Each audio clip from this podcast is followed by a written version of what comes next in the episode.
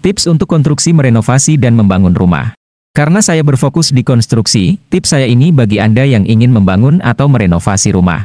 1. Jangan beli cat kiloan untuk rumah. Cat kiloan sama seperti gaji bulanan. Gaji ketika datang seketika sudah pergi ke Shopee atau Tokopedia. Cat kiloan ketika diaplikasikan kelihatan bagus warnanya seketika kering sudah pergi terbawa angin dan cuaca dan sudah tidak berwarna lagi. Investasilah sedikit lebih mahal dan beli cat bermerek sekelas. Mau pasang betap? 2. Jangan cari batub ketika tidak ada event apa pun di toko bangunan, mahal. Bathtub adalah salah satu material bangunan yang sangat jarang dibeli. Ketika ada bazar atau event diskon, nah di sinilah saat yang tepat untuk mencari bathtub. 3. Borongkan pembongkaran rumah. Ketika merenovasi sebagian bangunan rumah dan butuh pembongkaran, selalu borongkan seluruh biaya pembongkaran. Jadi kalau sewaktu-waktu kamu butuh pembongkaran tidak ada biaya tambahan. Trust me, ini ngaruh banget, karena kalau kita merenovasi rumah, kadang kita gak tahu mana yang harus dibongkar.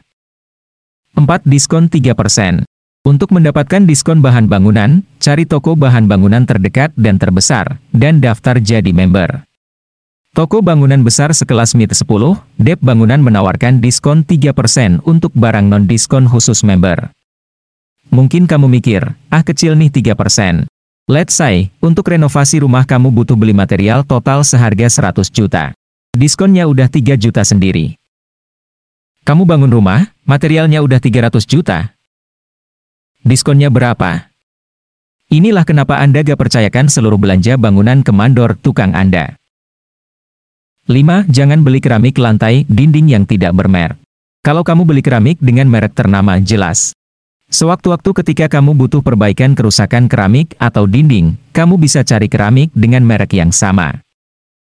Sedangkan kalau kamu pilih keramik dengan merek yang tidak jelas tapi murah, kemungkinan sewaktu-waktu dia sudah stop produksi.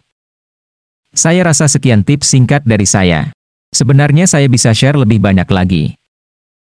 Dan tonton semua tips konstruksi dan renovasi dari saya. Cheers!